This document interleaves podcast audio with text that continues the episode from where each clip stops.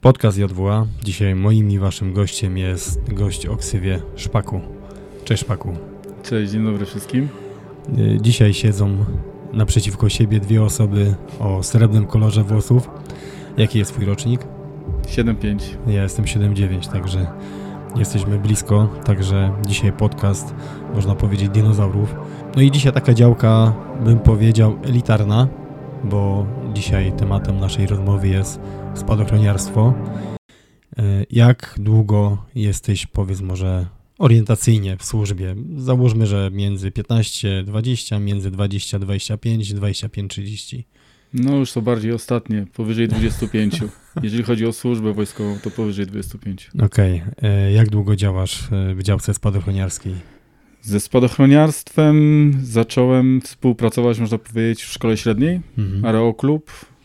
Taka chęć, przez to, że jakby za oknem e, w moim bloku raz do roku odbywały się jeszcze wtedy Mistrzostwa Układu Warszawskiego na Mhm. celność lądowania i przez okno obserwowałem potem z bliska. Jakby to tak zainteresowało mnie. Potem w szkole średniej się okazało, że siedzę w ławce z kolegą, który jest e, szybownikiem. No i jakby się tak zaczęło. Czyli aeroklub, skoki.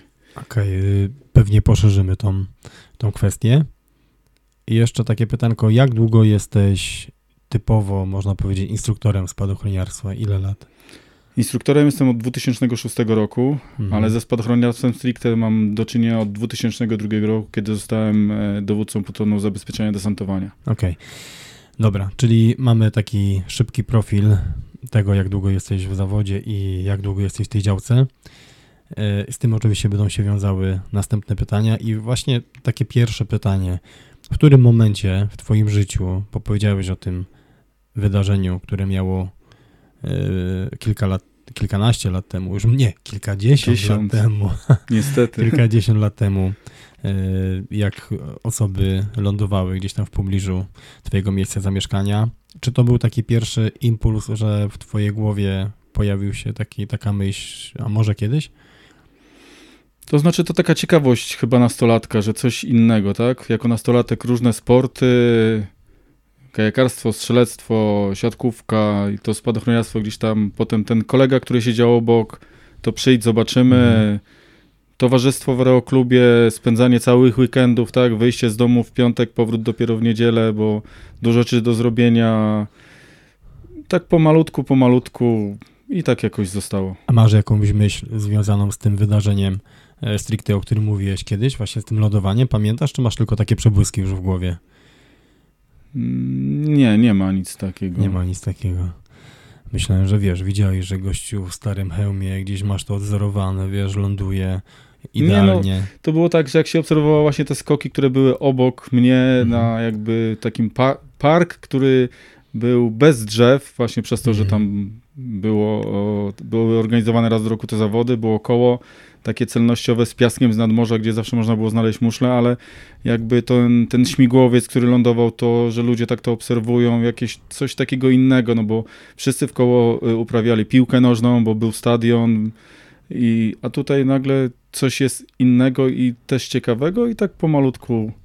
A, ale ja pamiętam z moich czasów, że pamiętasz taki serial 07 Zgłoś się? Tak, oczywiście. Przepraszamy tutaj młodych, e, młode osoby, które będą słuchały, one nie znają tego serialu. Radzę po, wpisać w YouTube 07 Zgłoś się. Wieżny Polones, który tam jeździ i tam było też często wykorzystywane przykładowo elementy śmigłowca, e, jacyś antyterroryści tam wtedy, wiesz, zjeżdżali, e, więc ja pamiętam, że gdy w naszych czasach, a było to normalne, że takie seriale się oglądały, to no, dla mnie widok tego śmigłowca to było coś niesamowitego, że to jest, wiesz, górna półka, nie? Ja nie chciałem być tym gościem, który jeździ w tym Polonezie, chociaż wtedy Polonez to też było niezła fura, ale ten śmigłowiec, nie? Znaleźć się w tym śmigłowcu. Dlatego mówię, bycie przy tych zawodach, obserwacja tego śmigłowca i tych ludzi, którzy na to patrzą, tak, taka zazdrość, że można tam do tego śmigłowca wejść, skoczyć, zupełnie coś innego, tak jakby trochę inny świat. Mhm. Takie nie bardzo popularne. A powiedz coś jeszcze o tej sytuacji twojego kolegi ze szkolnej ławy, bo mówimy o przypadkach, ale wiemy z perspektywy czasu, można to tak łączyć, że wiesz, przypadek, ale jak to połączymy wszystko nitką, to nie ma w życiu przypadków. E, to był twój jakiś dobry ziomek? E... Tak, tak. No to na zasadzie brat, brat, tak się roz, tak potem się nazywaliśmy. Trochę potem kontakt się urwał. On był właśnie taki określony już od szkoły średniej, że on mhm. zostanie pilotem. Dla niego e, był to cel i wtedy w tamtych czasach było to ciężko, bo i trudności z dostępem jakby do możliwości szkolenia, potem wykształcenia, bo wtedy w Polsce była tylko jedna uczelnia na Politechnice Rzeszowskiej, jeżeli się nie mylę i ciężko było się tam dostać, ale on dążył do tego jak, y, jak taran, tak? Zrealizował to, jest pilotem. Jest pilotem. No i właśnie i to jest tak, że siedzieliśmy w ławce, a był ten przez pewien okres czasu, że w tym aeroklubie były właśnie te dwie sekcje, szybownicza mhm. i spadochroniarskie, to były dwie osobne sekcje, które jakby rywalizowały, bo jedna sekcja nie rozumiała drugiej. Aha na tej zasadzie tak jak jest. Kto normalny znaczy... wysiada z, ze sprawnego samolotu? To jest od, od, y, odwieczne tak. pytanie tak. do skoczka. Ale zawsze jak to tłumaczymy naszej rodzinie, bliskim, to oni tego nie rozumieją. No, y, ilość lądowań na pewno zdecydowanie nie zgadza się z ilościami tak. startów, jeżeli tak. chodzi o statek powietrzny. I kiedyś mnie, jakby do takich rzeczy wracając, żona zabrała na pierwszą rocznicę ślubu na wakacje i leciałem pierwszy raz pasażerskim samolotem i to było takie trochę dziwne. Że tak? nic się nie dzieje, że w połowie no, nie ma nagle Dziwne, tak wysoko sygnału. fajne i nic na plecach, komfort. Tak.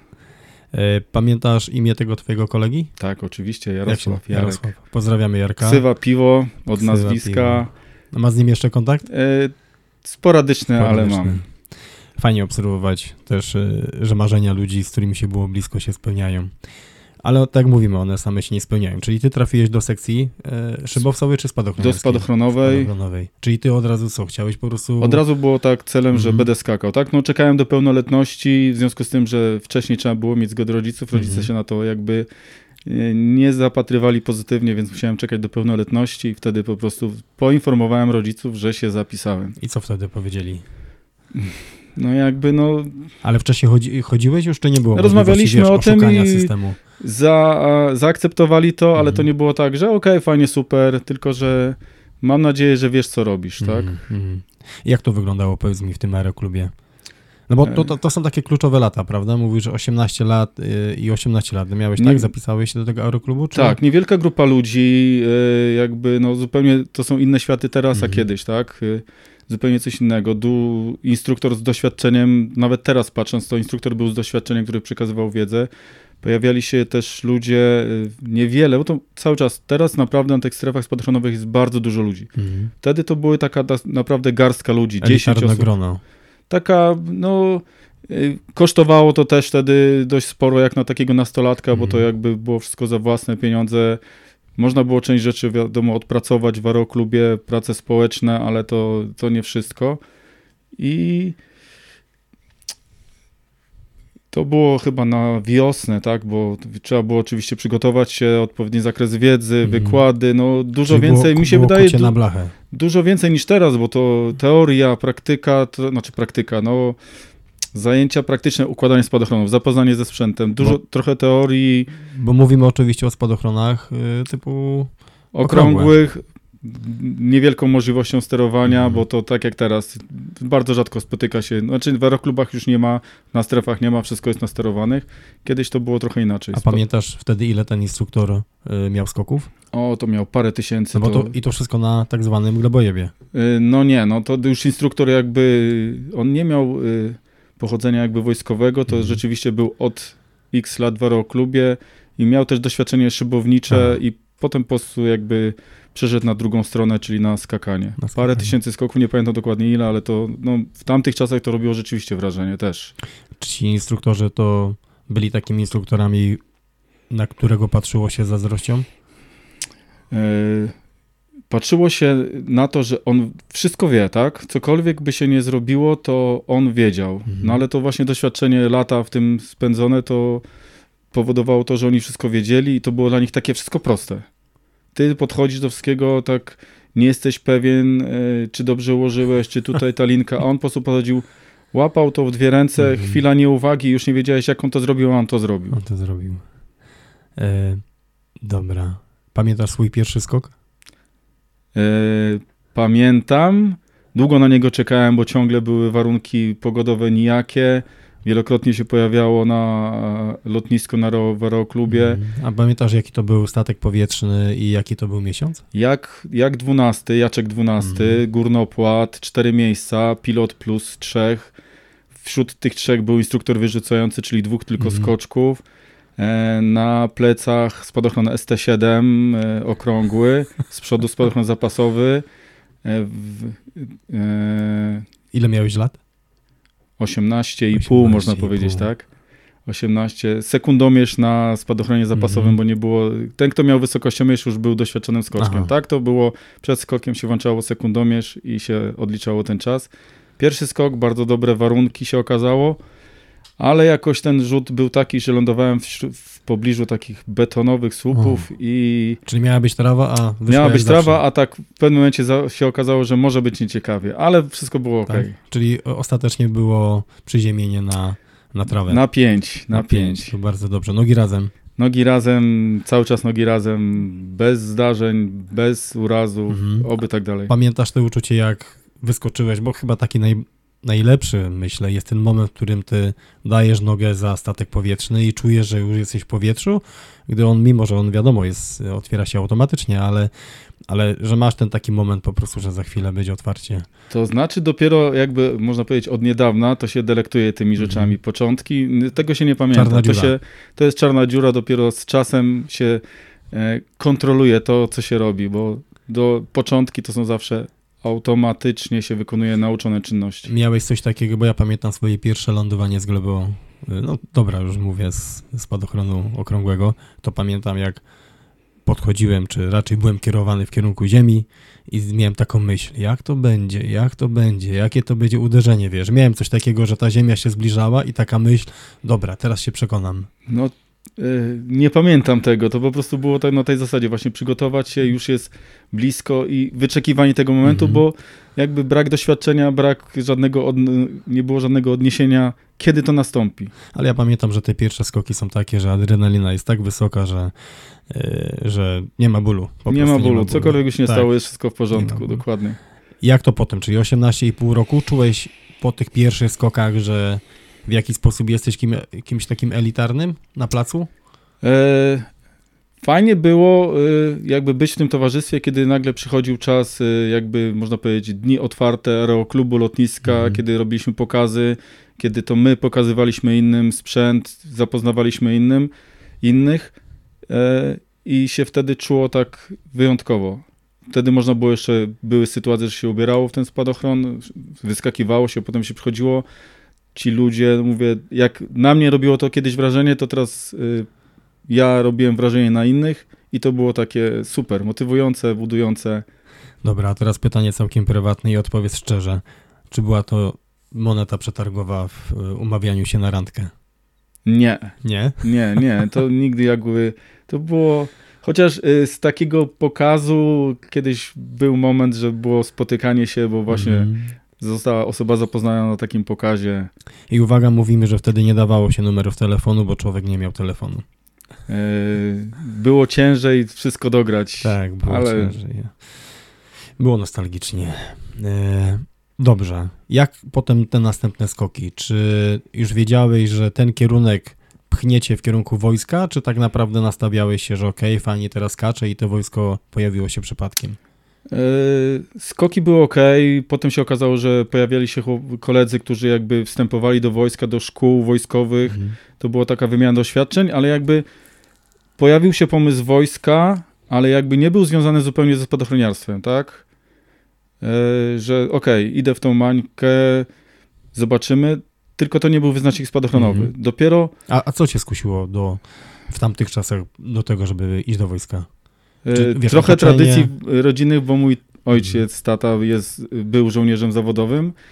To też jakby też jego trochę wina, bo jakby miałem do czynienia, e, zabierał mnie na skoki Mhm. wojskowe. Aha. Jakby w ramach wakacji była możliwość zobaczyć, jak wojsko skacze. E, Tata- tata Szósta skakał? pomors... y, Nie. Nie skakał. On No to był zobacz. zupełnie po, in... zupełnie po innej działce. To był łącznościowiec, tak więc e, Bezpieczny. inna działka. E, Zabierał mnie na skoki, z, wtedy szóstą Pomorską Dywizją Powietrzno-Desantową. Widziałem, jak skaczą na lotnisko, widziałem, jak skaczą do wody. Widziałeś, jak się łamią?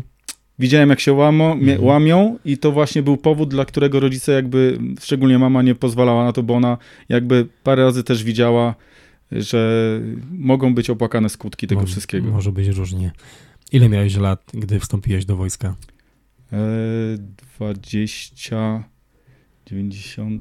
97, 22 lata. 22 lata. No to można powiedzieć, że to jest stosunkowo młody. W tym okresie pomiędzy pierwszym skokiem a wstąpieniem do wojska, ile tych skoków było? 44? I wszystko było na spadochronie y, okrągłym? Y, Nie, potem znaczy był spadochron okrągły, Mhm. potem jakby taka e, e, SW, e, SW5 to był taki niby okrągły, ale już bardzo sterowany, spado, bardziej sterowany spadochron. No i oczywiście potem SW12 to już typ, spadochron typu skrzydło, to już był ten level najwyższy, jeżeli chodzi o aeroklub, dwa spadochrony na aeroklub i Mhm. trzeba było się rzeczywiście postarać, żeby Postarać i podzielić. na tym etapie jakby poszedłem do wojska i, i tam znowu powrót do spadochronu okrągłego. Okej. Y, A jeszcze cofniemy się. Pamiętasz swój pierwszy właśnie skok na sterowanym?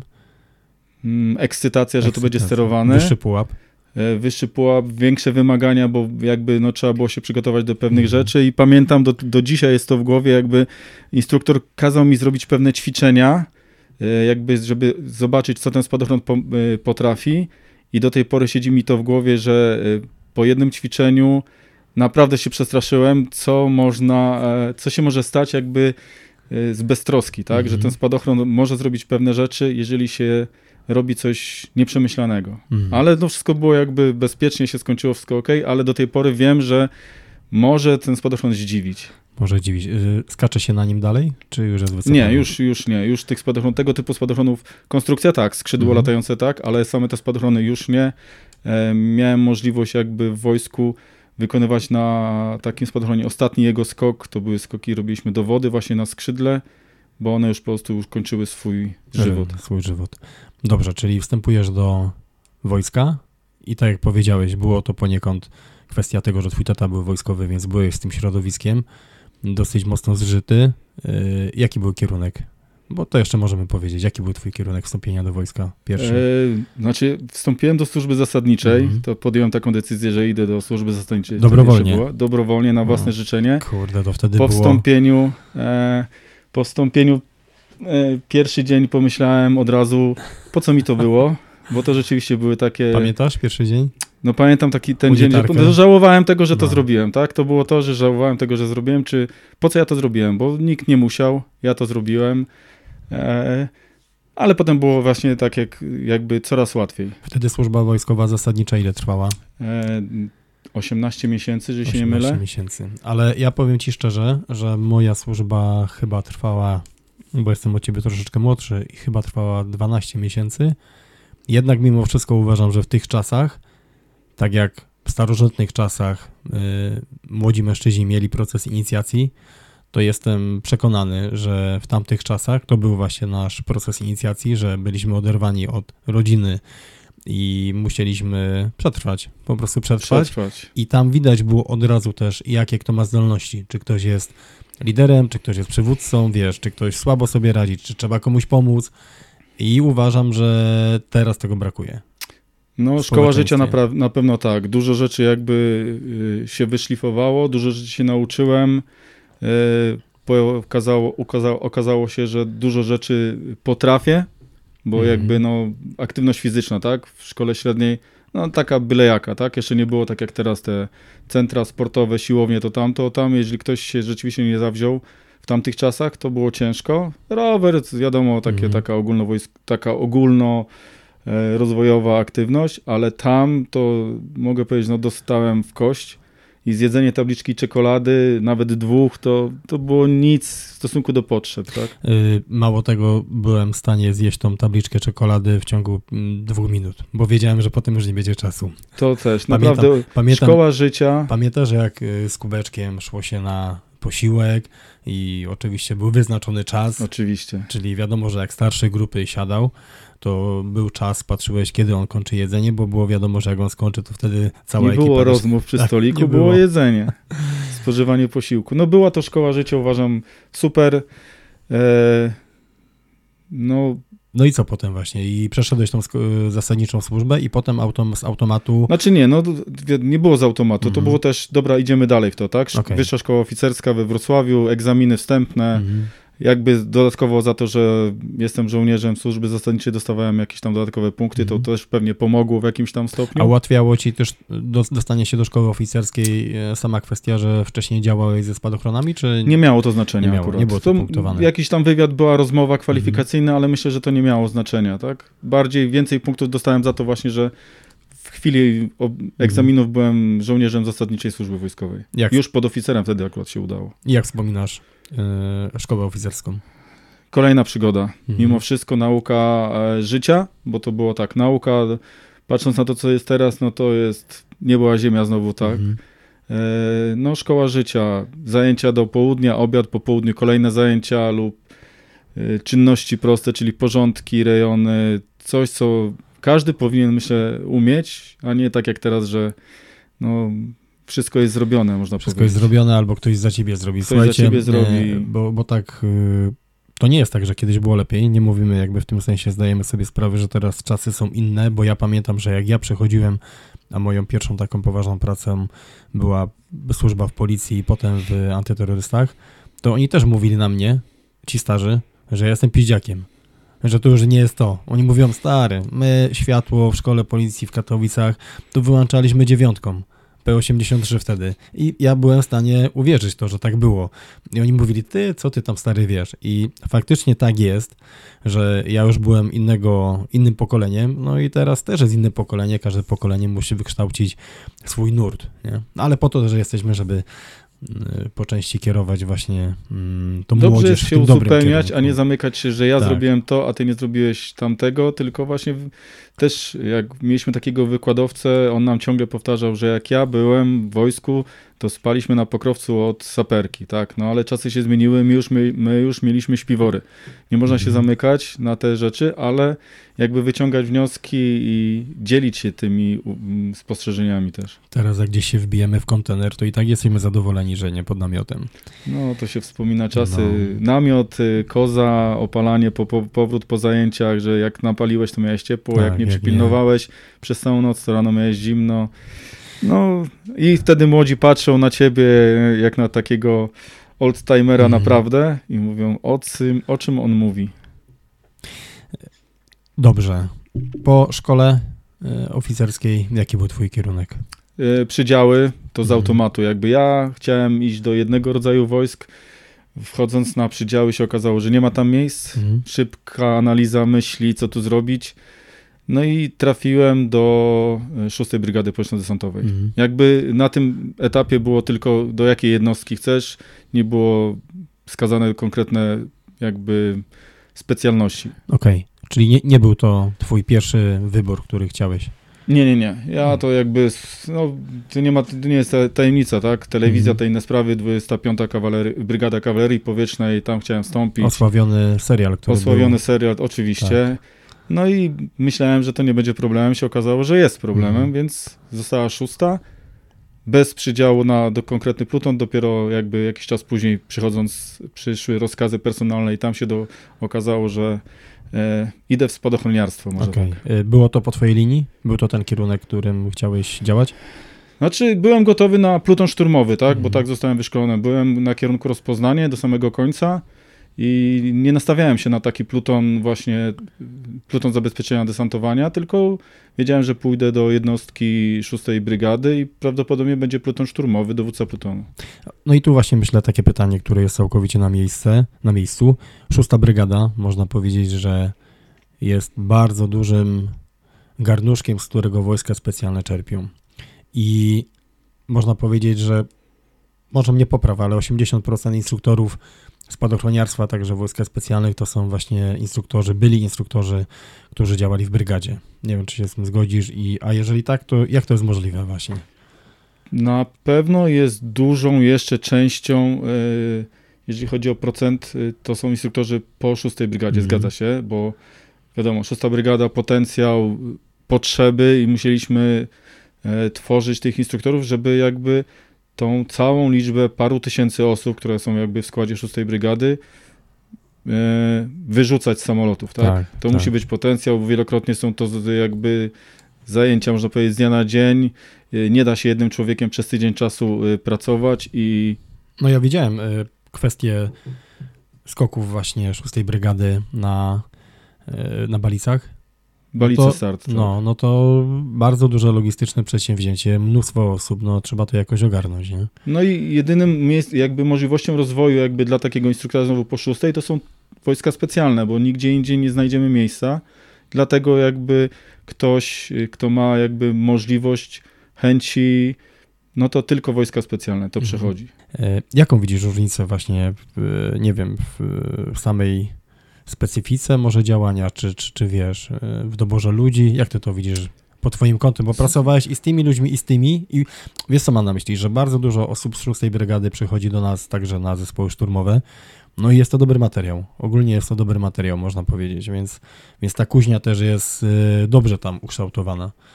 E, tak, to znaczy jest tak, na pewno w brygadzie jest jakby ilość skoków, tak? To jest niestety, to nie ma się co oszukiwać. Mhm. Jest to masówka, po prostu wsiadają do samolotu jak do takiego autobusu, lecimy szybki przerzut, jest to środek transportu, tylko wyrzucamy i wracamy po następnych Mhm. ilość, tak? Tu już nie mówimy o tym, o specjalizacji, o wykwintnych skokach, tylko po prostu to ma być ilość. Żołnierz ma, ale znowu tak jak mówisz, kuźnia, tak? Kuźnia charakterów i w ogóle. Wielokrotnie było widać na pokładzie, że w momencie, kiedy ten samolot się odrywa, w momencie, kiedy ta rampa się otwiera, e, zmieniają się wyrazy twarzy i pojawiają się różne zachowania. Ludzie, którzy nagle przez 10-15 sekund muszą stać na skraju rampy, przynajmniej 400 metrów nad ziemią i podjąć decyzję, że mają właśnie opuścić sprawny samolot, e, różne rzeczy się zdarzają. Wojska specjalne, to tu już bardziej bym poszedł w jakość, że to już jest e, nie ilość. Bardziej idziemy już w jakość, specjalistyczne szkolenie, większa jakby, mógłbym powiedzieć, wykwintność.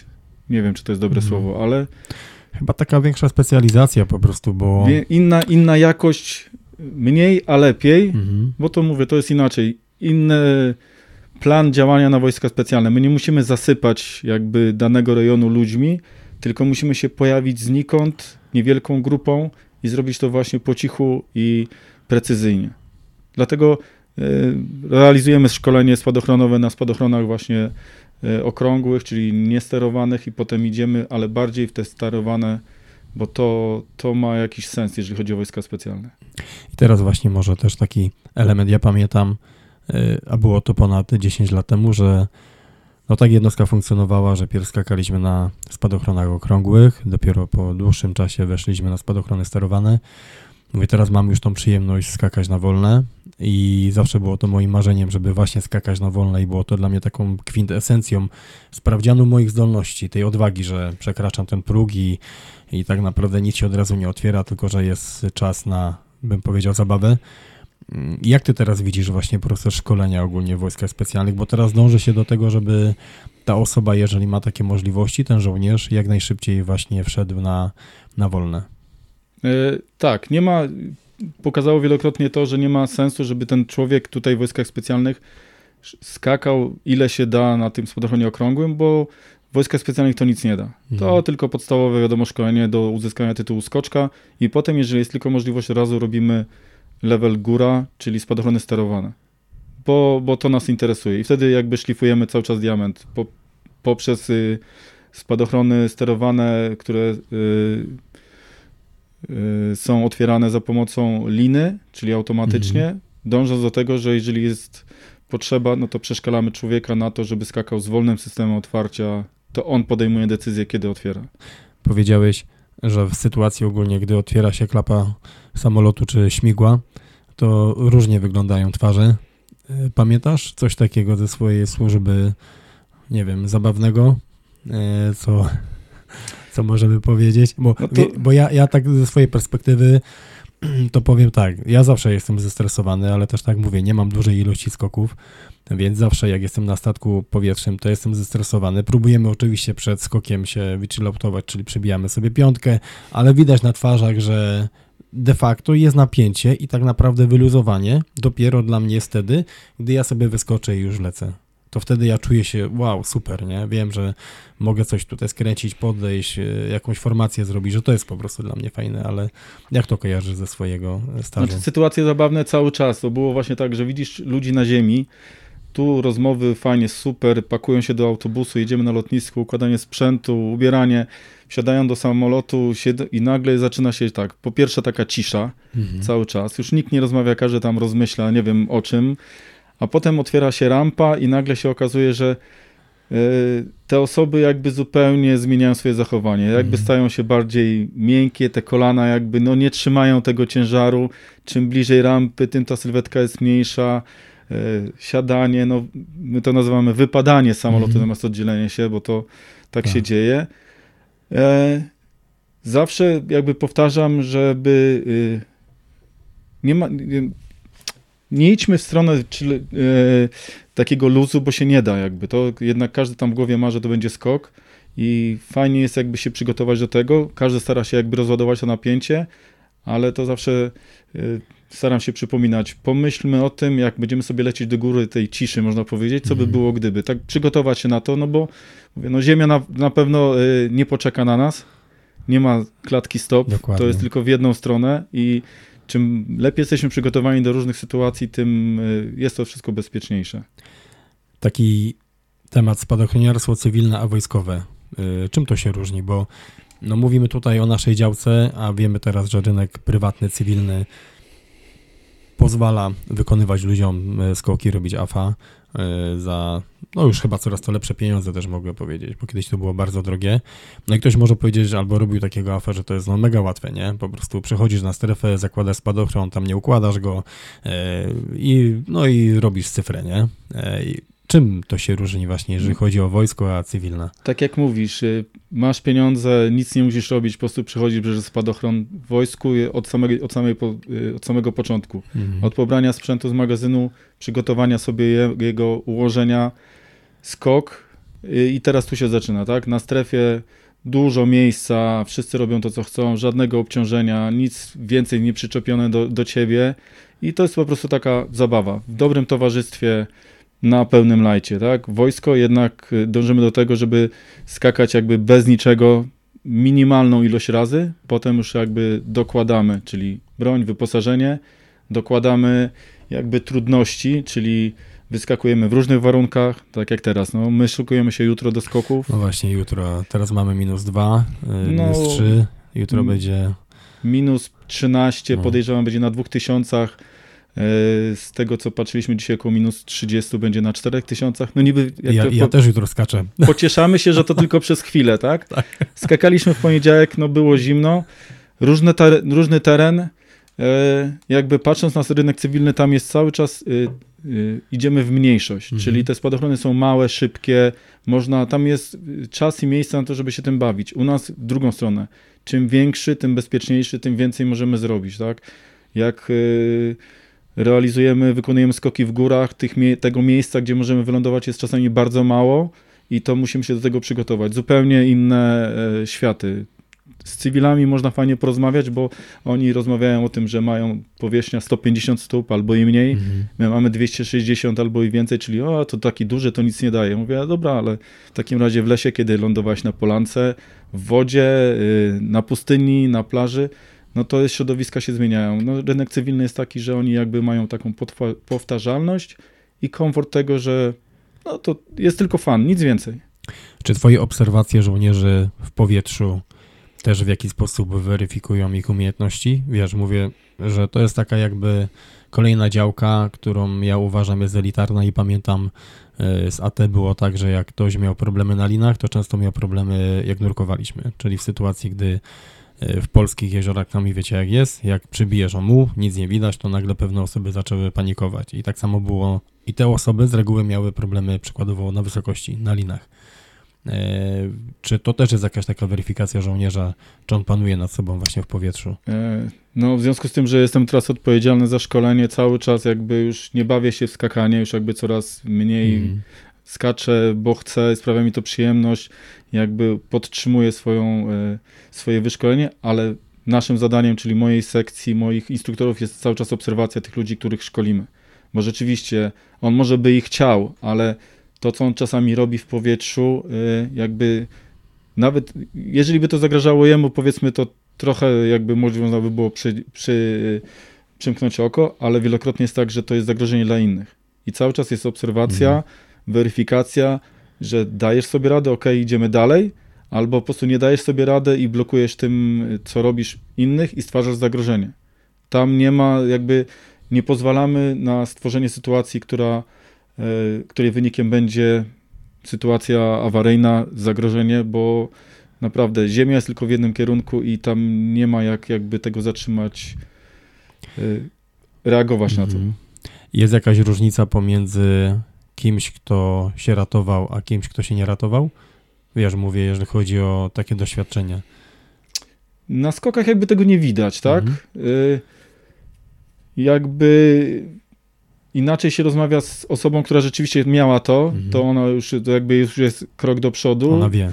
Wie o co chodzi, bo no, ja ciągle nie wiem i mam nadzieję, że nigdy się nie przekonam, no ale... Właśnie, bo to jest też taki kierunek, że chcemy tego uniknąć, tak? Chcemy Czyli... tego uniknąć, ale cały czas robimy tak, żeby się przygotować mhm. na to. Mhm. Właśnie o to chodzi, żeby tego, a to dobra, jakoś to będzie. Nie, nie jakoś to będzie. Za każdym razem trzeba się do tego przygotować, powtórzyć sobie pewne rzeczy, żeby być na to gotowym i te osoby y, jakby na pewno inaczej zareagują z większą pewnością, szybciej, które to już miały, tak? Bo one już wiedzą, jak to działa ta osoba, która nie wie, nigdy tego nie było, to teoretycznie wiemy o co chodzi, ale jest ten właśnie ten taki jakiś tam procent, że może coś nie zadziałać. Pamiętam, jak robiłem y, pierwszy skok na wolne, to że tak powiem, ogarniali mnie instruktorzy, którzy już jeden jest na emeryturze, drugi będzie niebawem na emeryturze, to dużą uwagę zwracali na to, żeby po prostu się wychillować, nie? Gdy lecisz faktycznie w powietrzu, gdy masz szkolenie w tunelu, żeby faktycznie się wychillować, bo ciało, które jest pięte, negatywnie e, oddziałuje na strugi, czy tam ta zależność jest odwrotna. Jak właśnie ważny jest ten luz i to, żeby cię to bawiło? Czy jest możliwe, żeby to wyrobić w sobie, czy to po prostu tylko idzie z ilością skoków? Mm, jest to do wyrobienia, jest to y, myślę potrzebne, żeby się wyluzować, tylko wyluzowanie y, nastąpi, kiedy jakby jesteś pewny tego, co robisz, tak? Mhm. Czyli właśnie przygotowanie sprzętu, wielokrotnie widać, że ten, kto nie ma obycia, już na samym początku biorąc do ręki spadochron, już zaczyna być stres, tak? Bo on dawno nie skakał, on dawno tego nie trzymał, y, już pomijając etap skoku, on przychodzi, musi ułożyć znowu i tu się zaczynają zacięcia. Właśnie dobre przygotowanie przed jakby zrozumienie tematu, opanowanie tych zagadnień powoduje to, że jesteś wyluzowany, wtedy jest wszystko łatwiejsze. Nie ma tego stresu, nie ma tego napięcia, bo tak jak mówisz, y, wyskoczenie, potem opadanie bez otwartego spadochronu, napięty organizm, napięte ciało powoduje to, że mogą być sytuacje e, nieodpowiednie mhm. i, i tego chcemy uniknąć. Dlatego czym bardziej wiesz, czym więcej wiesz, czym jesteś pewniejszy tego, co robisz, tym łatwiej to wszystko wychodzi. Czyli takim jedynym patentem na to, żeby przezwyciężyć ten strach i wzbudzić sobie taki delikatny chill, to jest pewność siebie na każdym etapie składania tego e, spadochronu i wszystkich czynności, które są związane ze skokiem. Dokładnie. To, to jest tak samo, mówię, od razu widać, jeżeli ktoś skacze systematycznie, jego zachowanie, że to jest ok, normalne. Mm niż y, spotkanie z kimś, kto ma półroczną przerwę i nagle, dobra, idziemy szybko tu, robimy to, to i on nagle zaczyna, ta ilość informacji jakby trochę go przytłacza. przytłacza. No ja jestem ciekaw, jak jutro to będzie wyglądało, bo faktycznie zima za oknem, więc będzie ciekawie. Wygląda za szybą pięknie, no. a potem się otwierają drzwi i nagle, no o, o matko jedyno. Czujesz, czujesz ten podmuch. Jeżeli chodzi o odpowiedzialność na skokach, bo jest to działka, która jest bardzo mocno obwarowana przepisami i to jest na pewno dobre. Na, pew na pewno odpowiedzialność wasza jest y, bardzo duża. Powiedz mi, jak ty sobie radzisz z tym stresem, jak czujesz, jakby, jak czujesz tą odpowiedzialność, bo inaczej jest, jeżeli jesteś instruktorem, a inaczej przecież też jest, jeżeli teraz jesteś szefem spadochroniarni i jesteś odpowiedzialny za całość, można powiedzieć, szkolenia. Jak to na ciebie rzutuje? To też jest czas, tak? Ilość powtórzeń, ilość jakby razy, kiedy przybywasz na tych skokach, mm. obserwacja, wiesz, czego się możesz spodziewać i to nic się nie przyspieszy, to po prostu ilość powtórzeń. E, trzeba być na przykład, jeżeli chodzi o nas, takimi właśnie takim zimnym draniem, bo mm.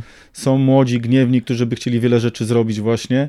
Super, bo oni podpowiadają, tak? My jesteśmy takimi zimnymi, zimnymi draniami i bardzo na ziemi stąpamy, ale to te młodzieńcze zapały są czasami dobre, tylko my musimy to jakby ocenić i stwierdzić, ok, robimy to. Wypadki się zdarzają. Jak sobie z tym radzisz? Bo mm, to środowisko spadochroniarskie jest dosyć wąskie, znacie się wszyscy i jeżeli gdzieś jest jakiś wypadek w jakiejś części kraju, no to znacie tych ludzi.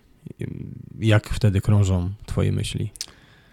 E, pierwsza myśl, no wiadomo, jest przykro, tak, że stało się to, co się stało. Druga myśl, e, dlaczego tak się stało i poznanie tej przyczyny, tak, żeby potem tą wiedzę jakby zdobyć i przy następnych działaniach jakby uniknąć tego, co było przyczyną akurat tego danego przypadku. Wielokrotnie pokazała sytuacja, że jest to czasami, jest to pośpiech, tak? Pośpiech i brawura. Tak jak chyba wszędzie, tak jak widzi się motocyklistów na tych swoich ścigaczach, że to jest jakby, e, nie wiem, chęć adrenaliny mhm. i to powoduje, że zdarzają się e, wypadki. Jest tych wypadków, e, uważam, niewiele, tylko niestety czasami konsekwencje są po prostu mocniejsze. Zero-jedynkowe, tak? Dość często, bo nieotwarty spadochron, drugi i ta ziemia po prostu jest nieubłagana, która pojawia się. No jest to przykro, ale na pewno więcej zdarzeń są, zdarzeń jest na przykład w piłce nożnej, skręceń, Dokładnie. złamań, takich rzeczy. Dobre przygotowanie, jakby bez tej brawury, myślę, że jesteśmy w stanie uniknąć wielu zdarzeń. Okej, okay, a teraz takie już ostatnie pytanie. E, prędzej czy później będziesz na emeryturze, ty i ja. Ja ostatnio po wizycie u lekarza, który zobaczył moje wyniki, powiedział: No wie pan co, pan już jest przyzwyczajony do tego stresu, do tej adrenaliny i to też pewne rzeczy panu blokuje. Nie? Jakby taką, nie wiem jak to powiedzieć, nie o wszystkim chcę też tutaj powiedzieć. Co będzie, gdy pójdziesz na emeryturę i nie będziesz skakał? Bo to jest bardzo duży wyrzut adrenaliny, kortyzolu, e, testosteronu, wszystkiego. E, jeżeli mówisz o testosteronie, to akurat no, mam sytuację, że mam psa w podeszłym wieku, on bierze testosteron, może to jest wyjście z sytuacji, ale wracając do tego, no właśnie, e, no pracuję i, i, robię to, co lubię. I jak ktoś się mnie pyta, czy idę na emeryturę, ja mówię nie, bo jakby ta praca jest dla mnie czystą przyjemnością. Wiadomo, że będzie taki moment i jest taki niecny plan, że osoby jakby starsze, mhm. strach powiedzieć, mhm. tak? E, jest taka e, liga e, starszych panów, którzy skaczą na celność lądowania, mhm. spotykają się na weekendy, już nie chodzi o ilość, wysokość, tylko właśnie, czyli dalej możemy to robić w zacnym towarzystwie, w towarzystwie, które, to, które znamy i dalej robić to, co lubimy i myślę, że w to bym chciał iść, bo rzeczywiście jest już zima, jest już listopad, tak, zaraz grudzień, niby nie kończymy tego sezonu, ale ten taki okres zawsze zimowy to był mhm. taki pusty okres, że się czekało na tą wiosnę, żeby się żeby przewietrzyć, żeby się przewietrzyć, tak? No, a odnośnie lekarzy, to strach właśnie pomyśleć, jakby tak prześwietlili, co by powiedzieli. Może lepiej nie wiedzieć. Może lepiej nie wiedzieć. No ja się ostatnio dowiedziałem i powiem ci szczerze, że w różnym kierunku idą moje myśli, ale, ale faktycznie duża ilość adrenaliny i to, że jesteśmy do tego przyzwyczajeni, powoduje, że nasze receptory już nie działają tak, jak powinny. No, niektórzy twierdzą, że właśnie e, po wyjściu do cywila, jak już tam taki spokój przychodzi, to nagle ciało mówi, patrz, co mi zrobiłeś no. i się odzywa i to tak naprawdę tak. z dużym potencjałem, że jakby brakuje tego jakby ciągłego stresu, no Wiesz co, to jest, y, że nasz organizm jest przyzwyczajony i wytwarza pewne hormony, bo on jest do tego przyzwyczajony i potem jeżeli nie dostarczasz mu środowiska, aby wytworzył te hormony, to on będzie cię do tego w pewien sposób zmuszał i będzie mm, powodował dyskomfort. I to jest medycznie udowodnione. No, na pewno tak. Dlatego też uważam, że jeden chyba z ważniejszych aspektów naszej pracy jest to, aby potrafić tą adrenalinę utylizować na bieżąco, aby nie było tych takich dużych wyrzutów. I potem w sytuacji, gdy ewentualnie przechodzimy, to jesteśmy w stanie sobie poradzić z tym y, trochę lepiej. Y, stres powoduje, tak mi się wydaje w wojsku właśnie to, że y, dobre przygotowanie, że w stresie mhm. potrafimy działać, tak? Ale jeszcze taka zdolność właśnie takiego y, niwelowania czy radzenia sobie ze stresem, żeby nie robić gwałtownych ruchów. To spadochroniarstwo tak samo. Różne sytuacje się zdarzają. Najgorzej podjąć zbyt szybką i niewłaściwą decyzję. Ale jeżeli masz dobre przygotowanie, dobrą teorię, masz te nawyki, to na pewno sobie z tym poradzisz. Dokładnie. Dobra, Szpaku, dziękuję Ci w takim razie bardzo za rozmowę. Jutro yy, skaczemy. Jutro skaczemy, będzie ciekawie. Będę to zgrywał później, więc dam znać, Będę na was było. patrzył, bo, bo Tak, jest zimno u góry. Będziesz patrzył. My w takim razie lecimy na naszą tygodniówkę, odprawę. E, No i co? Przede wszystkim życzę Tobie, sobie, wszystkim, którzy skaczą, aby przede wszystkim bezpiecznie lądowali, aby, aby wszystko finalnie ułożyło się tak, jak ma. Dzięki. Wszystkim bezpiecznych skoków. Dokładnie. Ja tylko zrobię dokumenty, ale chodzi o zdrowie. Dbajmy o to. Dzięki. Pozdrawiam, dziękuję.